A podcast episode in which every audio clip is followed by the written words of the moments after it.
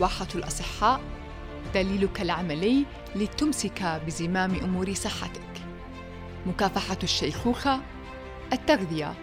الرشاقة خسارة الوزن بطريقة تناسب طبيعة جسمك. للوصول إلى نمط معيشي أمثل يساعدك على العمل بطاقتك القصوى. بأدوات الصحة الشمولية نساعدك على بلوغ هدفك. من منظور صحي عقلي وروحاني متكامل. الأداة رقم خمسة صديقي هي صحة الميتوكوندريا. حكينا عنها المرة الماضية وحكينا عن الميتوكوندريا وحكينا عن شغلات لصحة الميتوكوندريا بس بدي أحكي هلأ نوع من أنواع ال supplements أو أنواع شغلات تاكلها عشان تزيد صحة الميتوكوندريا. عشان تزيد صحة الميتوكوندريا صديقي بدك تزيد إشي اسمه sulfur vegetables اللي هو نوع من الأكل موجود فيه الفوسفور أو ال sulfur. Alright هدول صديقي هم أكثر موجود بأنواع خضار اسمهم أنواع خضار زي البصل زي كمان خضار اسمهم ال cruciferous vegetables اللي هم زي الفجل الزهرة البروكلي Brussels sprouts هدول صديقي فيهم نسبة عالية من ال sulfur وهذا إشي بيساعد كتير الميتوكوندريا.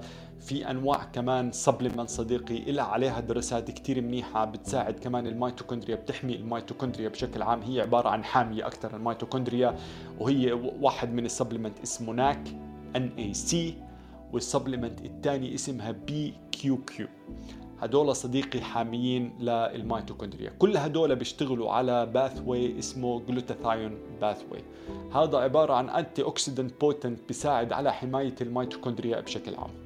Alright? ف if you choose to supplement بهدول. if انت مع ال supplement زي ما بحكي لك أنا ما بنصح أي حدا to supplement أو لا. أنا بحكي لك شو الدراسات بتحكي وشو موجود فيها. والدراسات لقت بشكل direct سواء بال NAC أو ال PQQ عم بيزيد ال metabolism بشكل عام والميكانيكية اللي بتزيد فيها اللي إحنا كلنا بنعرفها. لما تزيد صحة الميتوكوندريا فإنت بتزيد صحة ال metabolism عندك. طبعا ال added value على الخضار اللي أنا ذكرتها سواء البصل الثوم البروكلي ال Brussels sprouts الزهرة وإلى آخره. هدول كمان غنيات بالألياف.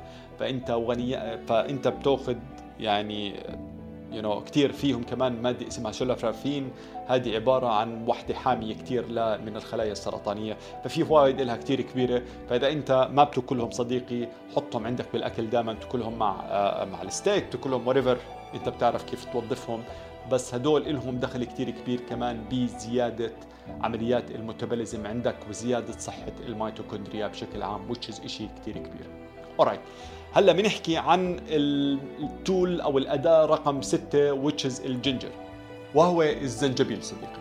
الدراسات لقت إذا أنت بتحط تقريبا 2 جرام من بودرة الزنجبيل بمية سخنة وبتأكلها مع الأكل أو بعد الأكل فأنت بتزيد تقريبا حرق ال calories. بهديك الوجبة تقريبا 43 calories.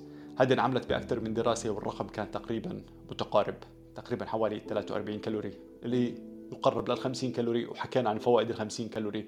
فهو قرارك صديقي. وبدك تعرفوا الشغلة الثانية إنه ال ginger هو إشي بيساعد كمان إذا بتتذكر من الحلقات السابقة هو بيساعد على تكلير ال sugar كمان بيساعد على تقليل السكر. بيعمل clear للسكر آه، آه، أو بسموه اللي هو sugar clearing agents اللي هو بيساعد على تقليل السكر بالدم عن طريق pathway اسمه GLUT 4 ما بدنا نحكي عنه هلا بس زي ما بحكي لك إنه في double effect فإذا أنت من محبين الزنجبيل فممكن تستخدمها إذا بتزيد عليهم ليمون بتزيد الفائده بتقليل كمان آه، السكر بالدم وبيساعد على حرق ال fat بشكل أكبر.